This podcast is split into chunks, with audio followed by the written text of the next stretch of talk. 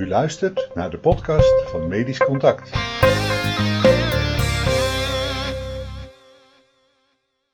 Een blog van Menno Oosterhof.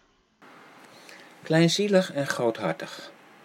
Max Pam, columnist en schrijver, heeft weer een boek geschreven. Daar heeft hij acht jaar aan gewerkt. In de Volkskrant vertelde hij dat het voor hem een enorme desillusie zal zijn als het boek flopt. Ik hoop dat het flopt, dacht ik meteen. Hij zei ook dat hij van de NRC een slechte recensie verwachtte, omdat hij daar met ruzie was weggegaan. Ik hoop dat hij een slechte recensie krijgt in de NRC, borrelde in mij op. Wat heeft Max Pam misdaan dat ik hem zulke nare dingen toewens? Hoegenaamd niks. Hij heeft één keer een wat zure column geschreven over mijn boek. Ik schreef er al eens over. Zijn column heeft me niet eens echt gekwetst, want ik had al zoveel waardering gehad dat ik het wel kon hebben. Bovendien was het een eenmalig iets, dus niet direct een reden om iemand toe te wensen dat zijn grote levenswerk op een fiasco uitdraait. Reden, vraagt mijn gevoel. Ik heb geen reden nodig. Pam was slecht voor jou, dus dan wens ik slecht voor Pam. Ik ga daar maar niet tegenin, want het is niet gezond je gevoelsleven te veel tegen te spreken. Ga je me afvallen soms? Weet je wel hoeveel ik voor je doe? Ik sta altijd voor je klaar en ik sta altijd achter je, wat voor stomme dingen je ook uithaalt. Mijn gevoel heeft altijd snel een eerste reactie klaar. Daar ben ik vast niet de enige in, maar met uitspraken over het gevoel van een ander moet je helemaal voorzichtig zijn.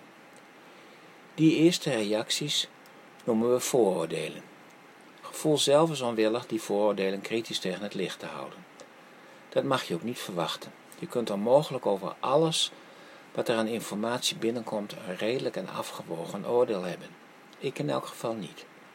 Vooroordelen zijn weliswaar weinig genuanceerd, maar wel heel snel en voor overleving, voor onze overleving is dat vaak nodig.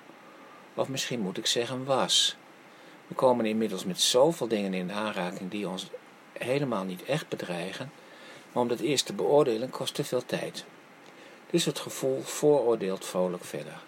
Wat een eikel is, puntje, puntje, vul de politicus in van uw voorkeur. Ik moet die man niet, wat een flauwekul, wat een onzin, dat zou ik nooit doen. We hechten aan onze vooroordelen en geven ze niet makkelijk op. Daarvoor moeten we nadenken en dat kost inspanning. Het valt niet mee open te staan voor dingen die met onze vooroordelen in strijd zijn. Misschien is het wel een meesterwerk, het boek van Max Pam. Lijkt me sterk. Misschien heeft de ander wel gelijk. Lijkt me stug en dan nog bracht hij het stom. Misschien stond ik wel te snel klaar met mijn oordeel. Vind je het gek? Ik stond onder grote druk. Gelukkig zijn vooroordelen niet alleen maar negatief. Zwei Seelen wonen ach in mijn Brust, sprak Faust al. Het werkt naar twee kanten. Afgelopen zomer waren we op vakantie in Noord-Italië. Op grond van een beperkt aantal ervaringen en gekleurd door de ontspanning van de vakantie, waren we opgetogen over hoe aardig de mensen daar toch zijn. Onder invloed van wat glazen Italiaanse wijn was ik niet te beroerd om dat te veralgemeniseren tot de hele mensheid. Aan de ene kant dus allemaal aardige mensen en aan de andere kant deugt niemand. Gevoelsleven maalt niet om die tegenstrijdigheid, dus laat ik het ook maar niet doen. Ik hoop dat Max Pam's nieuwe boek een daverend succes wordt. Nou, ik niet, stil jij. U luisterde naar de podcast van Medisch Contact. Wilt u op de hoogte blijven? Abonneer u gratis. Ga naar medischcontact.nl/podcast.